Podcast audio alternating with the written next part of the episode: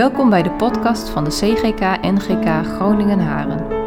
In deze podcast kan je luisteren naar de prekenseries van Rick Bikker en Wim Kees van Sloten. Bij, Je eh, luistert nu naar de serie preken over de Heidelbergse catechismus. Het eerste stuk- stuk van zondag 16 wil ik met jullie lezen eh, Romeinen 6 vanaf vers 8 tot 16.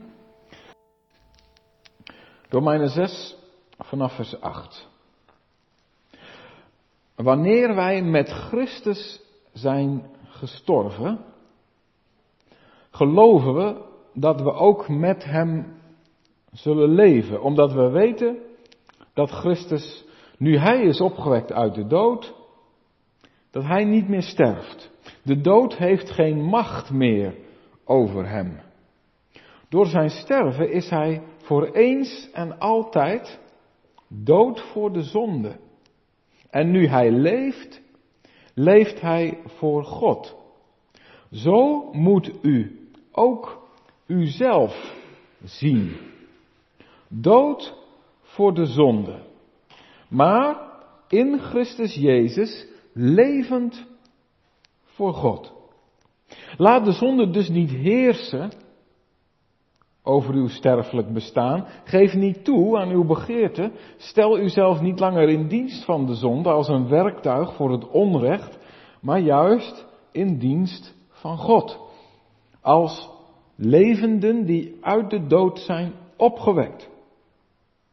Stel uzelf in dienst van God als werktuig voor de gerechtigheid. De zonde mag niet langer over u heersen, want u staat niet onder de wet, maar u leeft onder de genade.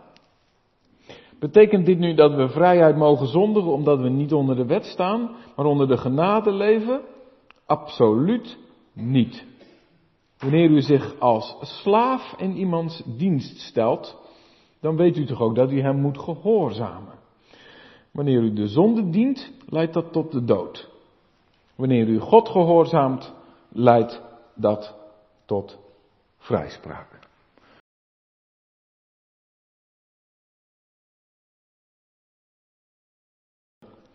En ik wil met jullie eh, uitkomen bij eh, vers 11 van Romeinen 6 straks. En dan wil ik even voorlezen in weer een hele oude vertaling, de MBV 51. En Daar staat hij zo, en dat vind ik het mooiste. Zo moet het ook voor u vaststaan dat u wel dood bent voor de zonde, maar levend voor God in Jezus Christus. Dus daar, daar komen we straks op uit eh, als we samen zondag 16 van de catechismus gaan lezen. Gemeente van de Heer Jezus Christus.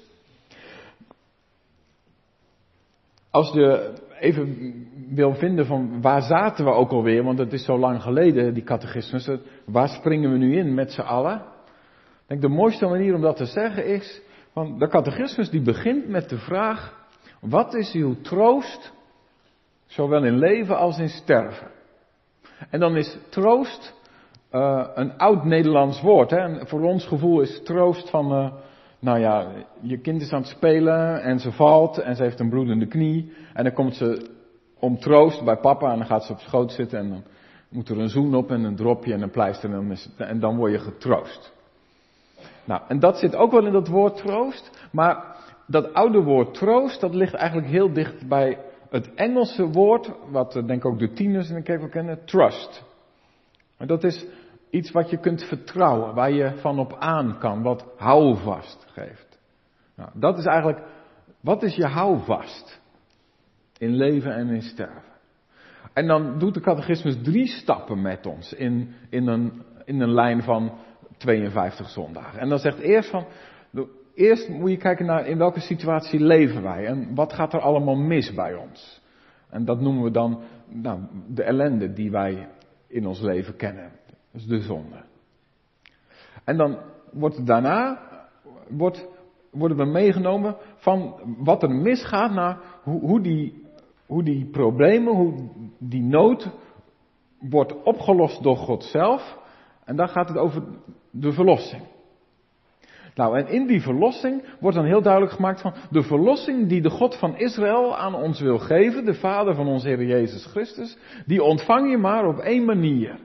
En dat is door het geloof. Dat is niet iets wat je moet weten, dat is ook niet iets wat je moet doen, maar het is een persoon in wie je je vertrouwen moet stellen. Dat is Christus. Nou, en daarom zegt de catechismus, omdat het, het, uiteindelijk gaat het altijd over in wie je gelooft. Daarom is het heel belangrijk om ook te weten van, maar wat beleiden wij nou allemaal over die, die God in wie we geloven? En dan, dan wordt dus de geloofsbeleidenis wordt dan besproken. Die geloofsbeleidenis die we straks uh, in liedvorm zullen gaan zingen. Ik geloof in God de Vader, ik geloof in Jezus Christus, ik geloof in de Heilige Geest. Nou, en die geloofsbelijdenis die wordt dus uitgebreid helemaal doorgesproken, omdat de catechismus wil dat wij ook bewust zijn van wat betekent dat dan om in deze God te geloven. En dan is er dus heel veel plaats voor het werk van de Heer Jezus. Nou, daar waren we dus gebleven, iets meer dan een jaar geleden. We waren bezig met het lezen over het, de weg van de Heer Jezus, die Hij is gegaan. En dan kun je eigenlijk zeggen, hoe tekent de catechismus die weg van de Heer Jezus eigenlijk als een trap die naar beneden loopt. Of eigenlijk moet ik het voor jullie zo doen, denk ik.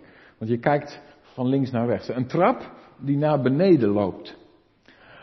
De Heer Jezus is een weg gegaan waarin hij zich vernederde. Hij was in de hemel. En hij zei, Vader, als u deze wereld verlossen wil, dan wil ik wel die wereld ingaan. Zend mij maar. En toen wilde hij wel mens worden.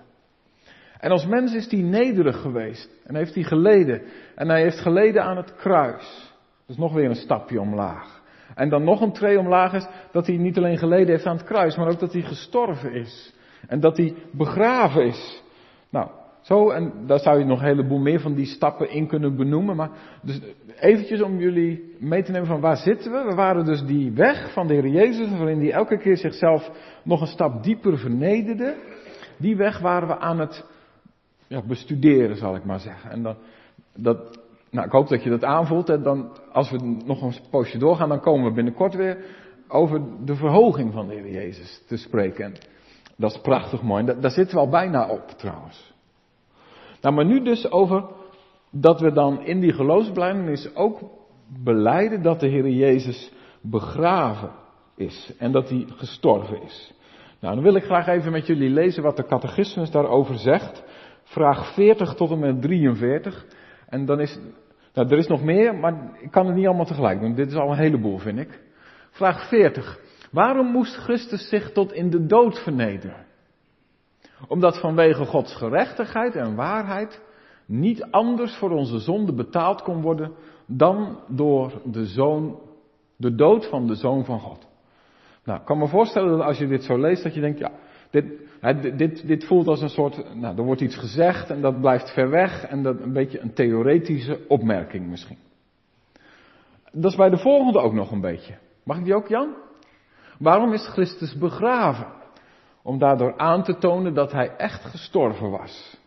Nou, en, dan, en nu, nu komen wij in beeld, hè? moet je maar eens opletten.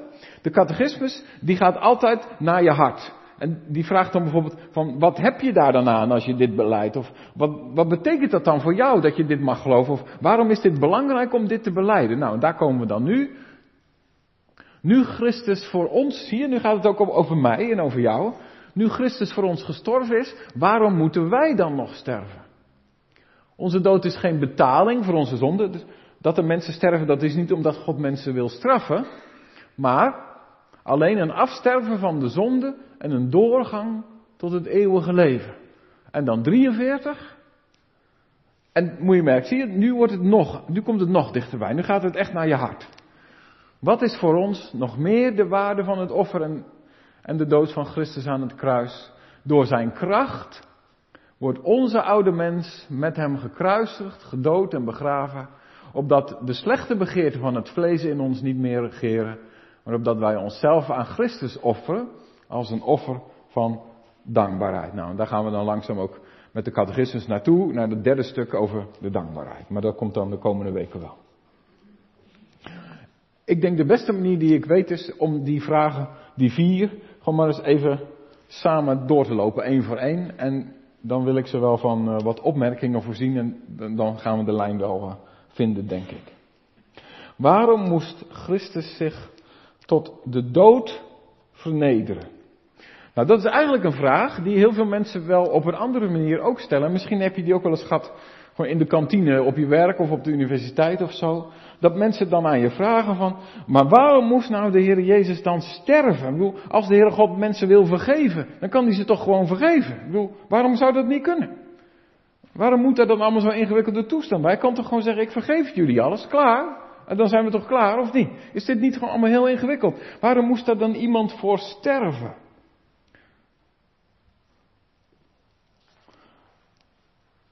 Nou, en eigenlijk zegt dan de catechismus hier wat uh, Paulus ook zegt in Romeinen 6, vers uh, eh, 16, het laatste stukje.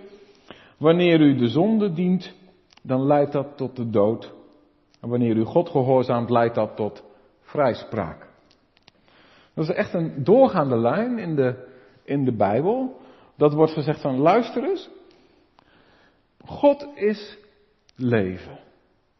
En in hem is leven. Op een manier waarom wij dat nu niet eens echt goed kunnen voorstellen.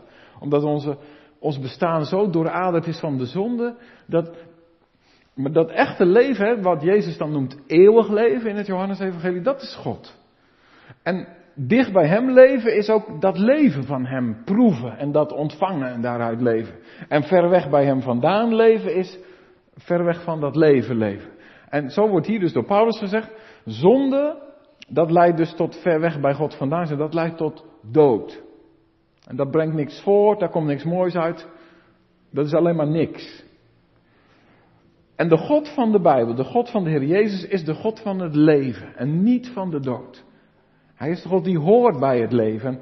Als je daar een mooi voorbeeld van wil zien, dan moet je maar eens een keer lezen over een, uh, Lazarus. Ik denk dat de jongens en meisjes dat verhaal ook wel kennen. Dat Jezus die komt dan uh, naar Lazarus toe, want zijn zus, de zussen van Lazarus hebben gezegd, Heer Jezus kom, want onze broer is ziek.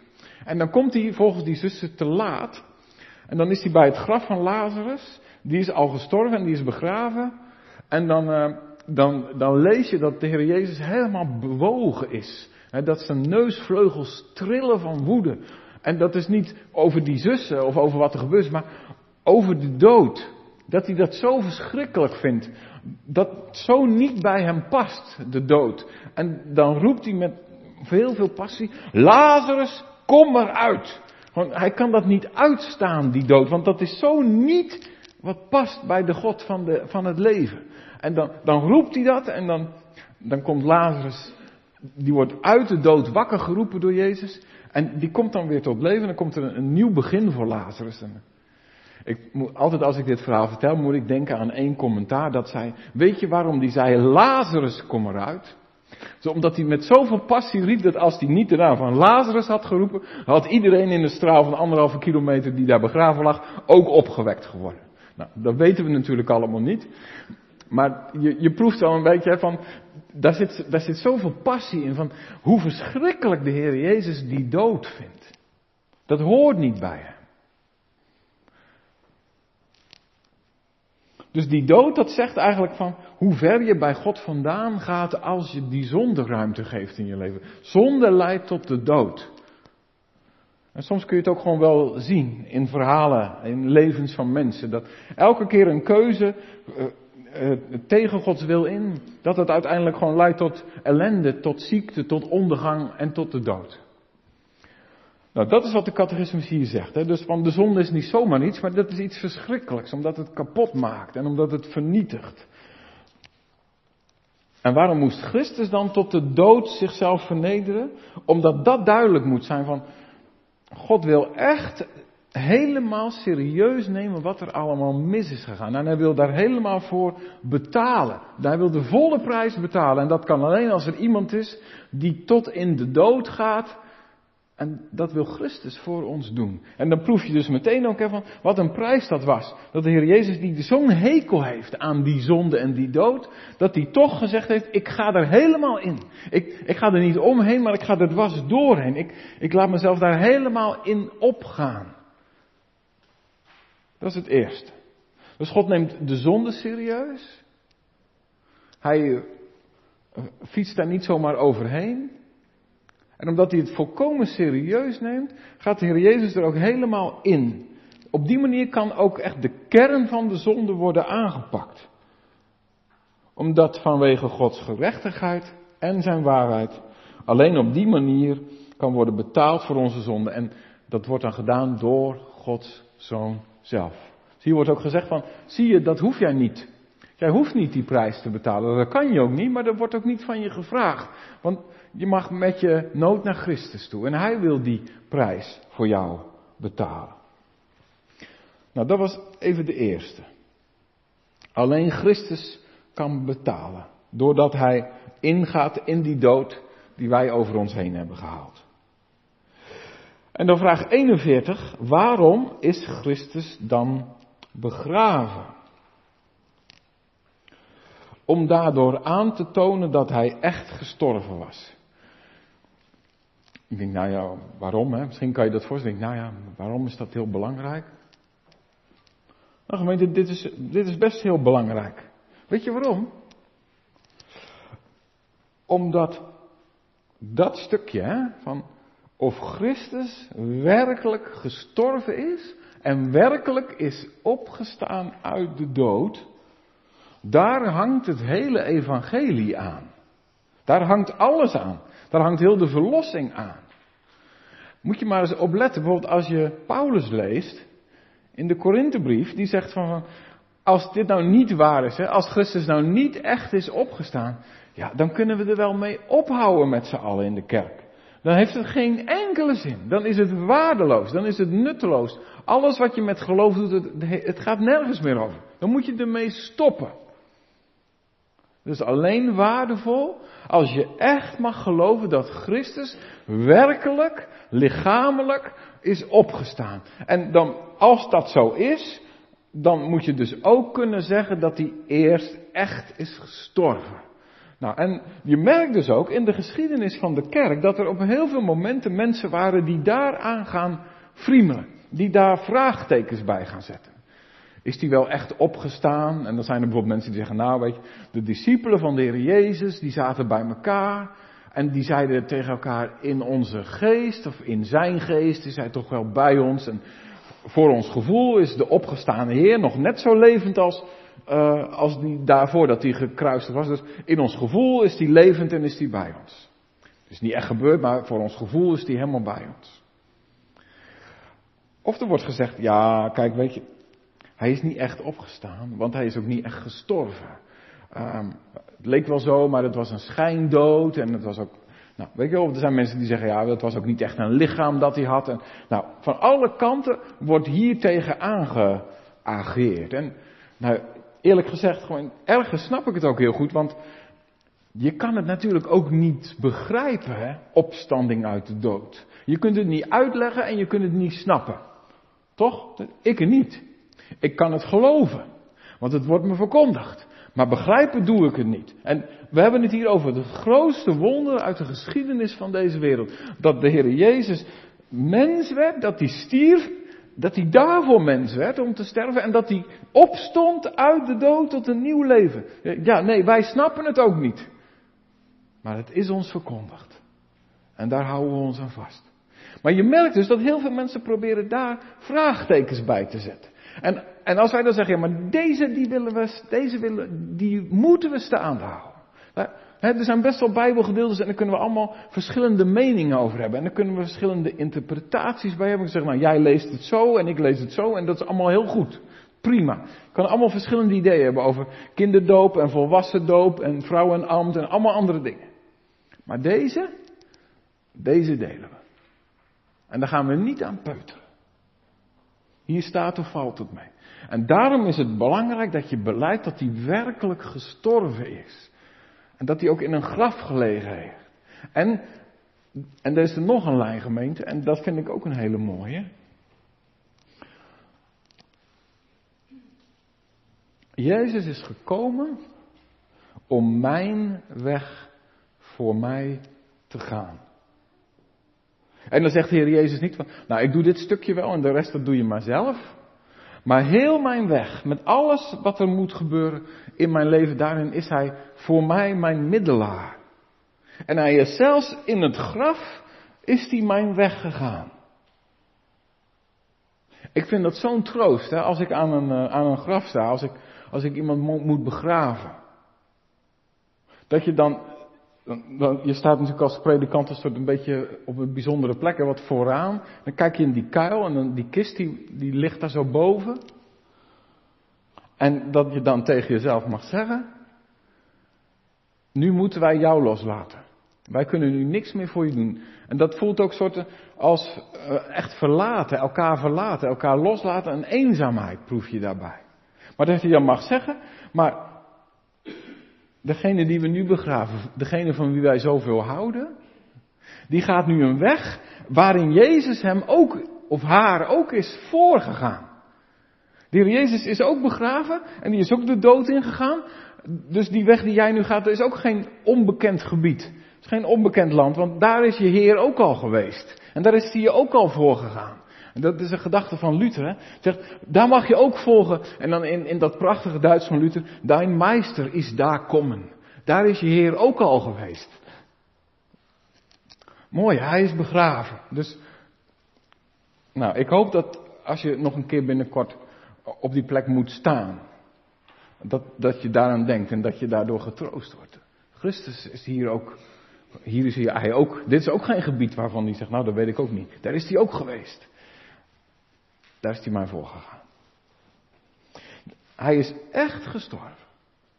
Hij is de weg gegaan die wij allemaal moeten gaan, waar wij niet aan kunnen ontkomen. Dat was 41.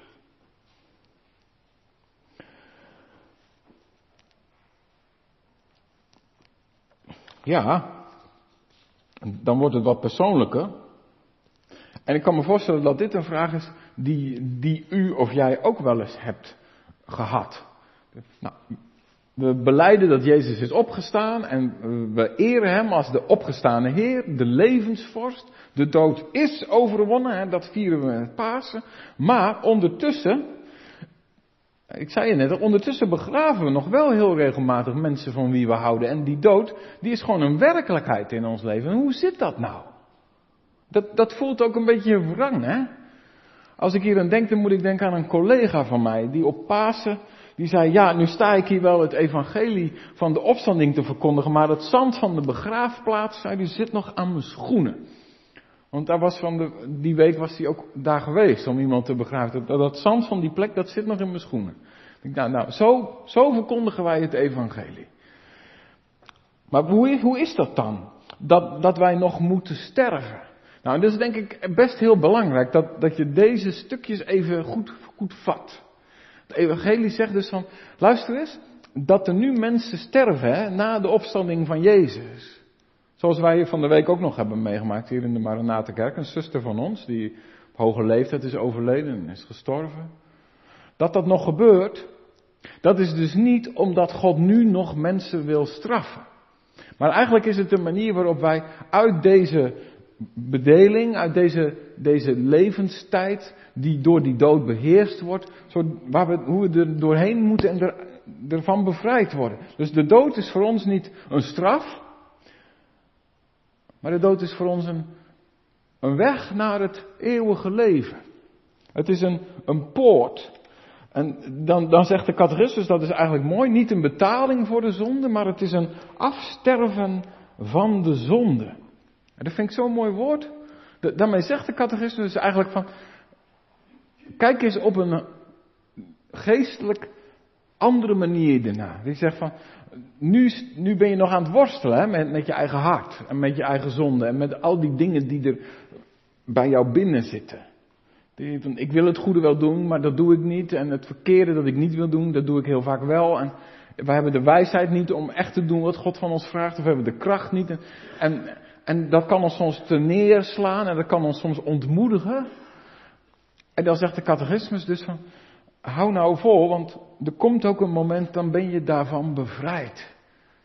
En zo is sterven ook ingaan in, in een werkelijkheid waarin die dood helemaal geen rol meer speelt. En waarin die zonde geen rol meer speelt. En, en dat is echt bevrijding. En ik vind het heel mooi als je er zo naar kunt kijken. Voel je ook niet dat dat heel bemoedigend is eigenlijk? En dat je dat ook, als je dat strijden zo bij jezelf elke keer merkt, dat je mag zeggen, hé, hey, er komt een moment, dan ben ik daar ook van los. Dan ben ik daarvan vrij. En wat zie ik daar naar uit? En dan hebben we natuurlijk ook beelden, hè, die, die dan klinken van, hoe is dat dan aan de andere kant? En dan zeg nou, dan zal ik voor hem staan, eh, in wit gekleed, zegt de schrift, hè, zegt openbaring. Van, dan ben ik zonder smet, zonder vlek, zonder rimpel, dan ben ik ben helemaal schoon. En dan is er niks meer wat tussen hem en mij in staat. En dan kan ik hem aanschouwen, hebben we vorige week gezegd. Dan, dan is er alleen maar zijn heerlijkheid. Ja, en dan, en dan zing je soms inderdaad van, wat een vreugde zal dat wezen, als ik daarin in mag gaan. Is heel fijn ook dat je dan even mag horen weer van, zie je dat God nu niet straffend bezig is omdat hij nog zijn oordeel over mij moet als ik in Christus ben, door het geloof, dan hoef ik echt niet bang te zijn dat God mij nu nog wil straffen of oordelen. Want Christus is die weggegaan. Hij is dat graf ingegaan. En dat heeft hij helemaal voor mij betaald. En die straf hoef ik niet meer te vrezen. Echt belangrijk dat je dat gelooft. Dat je dan niet zegt, wat heb ik gedaan dat ik dit nog meemaak? Nee. Zo, zo hoef je het niet te bekijken. En dan komt de laatste stap. Wat is dan voor ons nog meer de waarde van het offer en de dood van Christus aan het kruis? Zie je dan nu, nu komt het echt helemaal je hart binnen. Nu komt het helemaal dichtbij. Dan gaat het over Christus en mij. Over hoe het zit tussen hem en mij en over wat dat betekent in mijn leven. Dat ik hem mag kennen. En dan gaat het over sterven of over de dood, maar dan op een andere manier.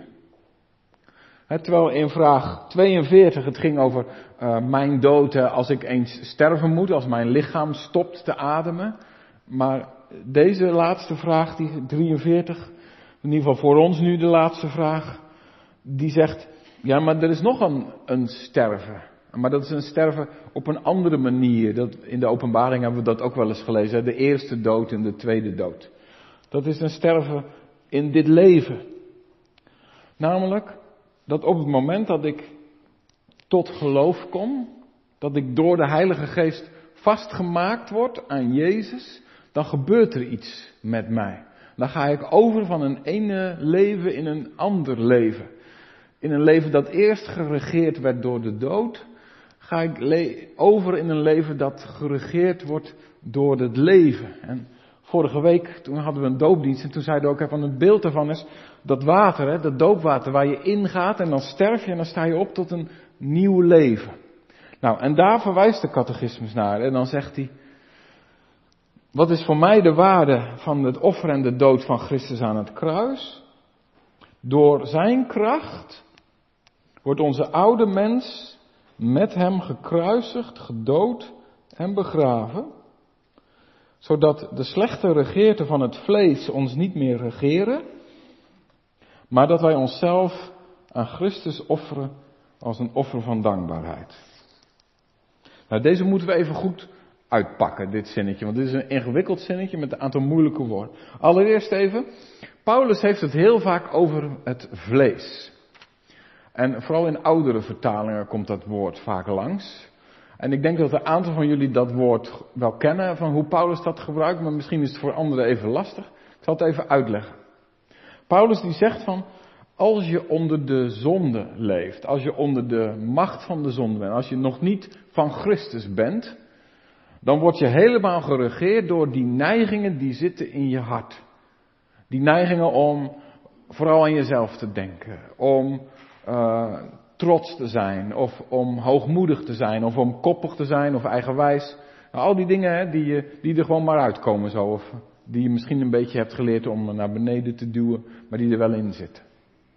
Nou, al die neigingen die ik heb om vooral bezig te zijn met mij en wat ik wil en mijn eer en mijn rust en nou alles wat ik wil, ten koste van alles van jullie zal ik maar zeggen, van anderen, dat noemt Paulus vlees. Dus je vlees, dat is ik die gericht ben alleen op mij. Die gericht is op dat ik de baas ben in mijn leven. Dat ik op de troon zit in mijn leven. Dat noemt Paulus mijn vlees.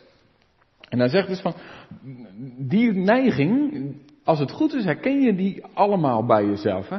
En dus het is eigenlijk niet de bedoeling dat je dan denkt, oh ja, nou moet ik vooral denken aan die zuster in de gemeente of aan die broeder, want die heeft daar heel veel last van. Ja, dat is wel zo. Maar dat is haar probleem en dat is zijn probleem. Maar het is belangrijk dat je het ook bij jezelf ziet. Ja, dat, ik herken dat ook. Ik wil ook graag op de troon zitten van mijn leven. Ik wil graag dat het helemaal draait om mij. En dat je ook ziet dat dat leidt uiteindelijk tot chaos en tot de dood. Nou, en dan, dan zegt dus de catechismus, maar weet je wat nou het bijzondere is? Omdat Christus die dood is ingegaan, omdat hij die dood heeft overwonnen, hoeft die dood niet meer die enorme macht in ons leven te zijn. En hoeft de zonde die daarbij hoort niet meer die enorme macht te zijn in ons leven. En daar gebruikt hij eigenlijk een heel mooi beeld voor. Dat is een beeld dat ik eigenlijk het beste kan uitleggen als een uh, verhuurcontract. Stel je voor, hè? Ja, uh, ik, ik doe mij even heel praktisch. Ik heb een abonnement op een tijdschrift. En dat vind ik heel mooi. Dat betekent dat er, dat er een, een soort contract is. Daar heb ik mijn handtekening onder gezet. En dat contract dat is. Ik krijg elke week de Donald Duck. Maar dan moet ik ook elke maand zoveel euro betalen, zeg maar. Hè? Ik weet niet. Maar dat is de afspraak. Dat is het contract. Dus zolang ik leef en ik zeg dat niet op, is dat contract er en daar ben ik aan gebonden. Dus ik leef eigenlijk een beetje onder de macht van dat contract. Ik moet elke maand betalen en ik moet dan ook elke week de Donald Duck krijgen. Weet je wanneer dat ophoudt? Wanneer heeft Walt Disney niet meer die macht over mijn leven? Ja, of ik moet mijn contract opzeggen. Zeg, ik wil dit niet meer. Mijn abonnement stoppen. Of ik moet sterven.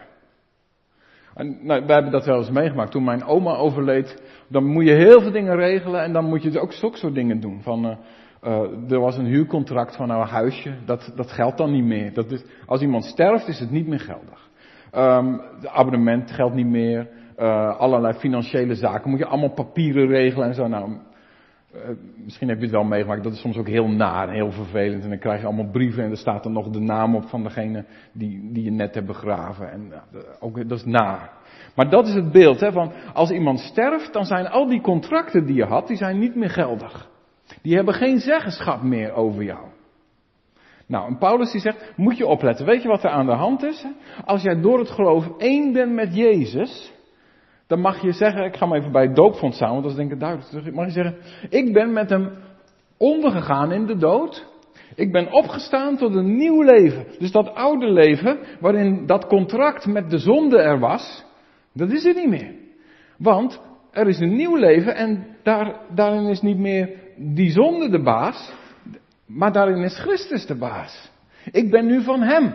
En, en dan, dan kan die zonde en die dood, die kan helemaal geen aanspraak meer op mij maken. Dat contract is, is voorbij, want ik ben gestorven. En ik ben opgestaan tot een nieuw leven. Die hebben niks meer over mij te zeggen. Dat is het evangelie.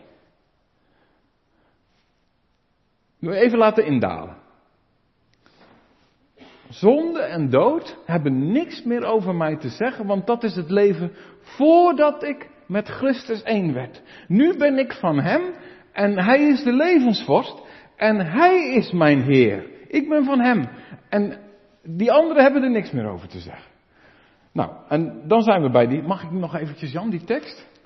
Romeinen 6, vers 11. Zo moet het ook voor u vaststaan dat u wel dood bent voor de zonde, maar levend voor God. Dit is wat Paulus zegt. Ik doe nog even één, één dingetje. ik wil graag dat je dit snapt. Want ik merkte dat heel veel mensen dit lezen en dan zeggen ze, eigenlijk dat ze het idee hebben dat er staat dat de zonde dood is voor mij. Maar dat staat hier niet. Want die zonde die is gewoon nog een werkelijkheid voor mij. En ik trap af en toe gewoon nog weer in die valkuil. En ik laat me verleiden. En ik ga de mist in. En ik, die zonde heeft echt nog wel wat poel, wat werkingskracht. Die is er nog wel.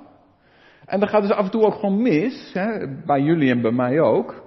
Dus dat, die, dat is nog wel een werkelijkheid. Maar, Paulus zegt, je moet snappen dat jij dood bent voor de zonde. Want de boze en de zonde hebben niks meer uh, van, die hebben niks meer over jou te vertellen. Die hebben geen macht meer in jou, geen eigenschap meer, geen zeggenschap meer. Jij bent niet meer van de boze. Je bent van Christus. Je bent levend voor God. In Christus Jezus. Dus er is nog wel de werkelijkheid van de zonde. Dat het af en toe misgaat. Maar wat er niet meer is, is die aanspraak van de zonde. Je bent van mij. Nee, nee, nee, nee, nee. Ik ben van hem. En dat is heel belangrijk dat je dit snapt. Dus als je dan weer een keer de fout in gaat hè, en je bent ontevreden en je schaamt je en je bent, bent een beetje down en, en ben je weer zo teleurgesteld dat het is misgegaan, dan moet je tegen jezelf zeggen, het moet voor jezelf vaststaan dat je dood bent voor de zonde. Die heeft geen contract meer met mij. Ik ben van Christus. En hij is van mij. En uiteindelijk hoor ik bij dat leven van hem. Dat is het sterven dat al achter de rug is. En dat Christus gestorven is en opgestaan, dat is uiteindelijk dit. Dit levert dat op voor mij. De dood heeft geen contract meer met mij. Ik ben van hem alleen. En dat is het evangelie. En Paulus zegt dus van, lieve broeders en zusters, dat moet voor je vaststaan. Hè? Dat betekent, daar moet je elke keer naar terug. En dus ook als je merkt dat, dat er aanvechting is, dat er aan je getrokken wordt. Dat je dan zegt, nee, nee, nee, Heer Jezus, ik ben van u. Nog eentje van Luther. We zijn toch met Luther bezig. Weet je wat Luther zegt? Als de duivel bij mij aan de deur rammelt, hè, dan roep ik de Heer Jezus en die doet voor mij open. En dan zegt hij, wat doe je hier? Ik woon hier, wegwezen. Dat. Dus eigenlijk is dan ook de tip van, van Luther voor ons, hè, van laat de Heer Jezus maar open doen. Als het nodig is. Hè. Eh, eigenlijk moet je dan zeggen, dood, zonde, jullie zijn er nog en ik voel het ook en ik merk het ook, maar ik ben van Hem. En dat is de werkelijkheid, dat is de waarheid waar ik op sta. Dat is mijn houvast. En zo mag ik leven. Nou, en dat is dus, en ik hoop dat je het voelt, hè, van het begon eigenlijk met een beetje theorie. Hè, van, is Jezus echt begraven en waarom is dat belangrijk? En zie je dat dan die catechismus ons meeneemt en, en dat ze dan uitkomt bij, bij zo'n heerlijke troost. Zo'n zo'n bemoedigend evangelie. De oude mens is met hem gedood en begraven. En dan zegt de catechismus erbij van, en dan is het dus natuurlijk ook heel fijn dat je dan mag zeggen van, ik wil dan heel graag ook voor hem en met hem leven. Dan wil ik ook dat hij regeert. En dan wil ik ook dat hij de ruimte krijgt in mijn hart om mij te regeren. Wil ik ook doen wat hij van me vraagt. Hè. Niet omdat ik er iets mee moet verdienen, niet omdat dat een voorwaarde is, maar omdat ik hem lief heb. En omdat ik vertrouw dat wat hij van mij vraagt, dat dat het goede is. Nou, en dan, dat proef je ook bij Paulus, hè. Dat hij dan zegt, uh, laten we dan uh, God dienen. Betekent dit nou dat we vrijuit mogen zondigen omdat we niet meer onder de wet staan, maar onder de genade? Helemaal niet. Wanneer u zich als slaaf in iemands dienst stelt, dan weet u toch dat u hem moet gehoorzamen. Wanneer u de zonde dient, dan leidt dat tot de dood. Maar wanneer u God gehoorzaamt, leidt dat tot zij vrijspraak. U was slaven van de zonde, maar God zij gedankt. Nu gehoorzaamt u van ganser harte die dingen waarin, waaraan u zich hebt toevertrouwd. En u bent bevrijd van de zonde en onderworpen aan de gerechtigheid. Nou, ik hoop dat die woorden nu ook iets meer op zijn plek vallen in je hart.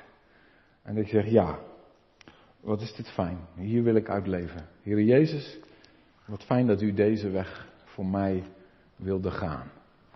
En uh, ja, als je daar ook nog mee worstelt, uh, zoek hem dan ook gewoon op. En zeg, Heer, wilt u uw geest aan mij geven? Heilige Geest, wilt u mij dit leren?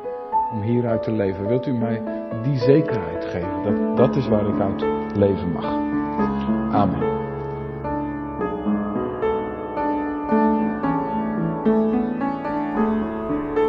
Bedankt dat je naar deze podcast hebt geluisterd.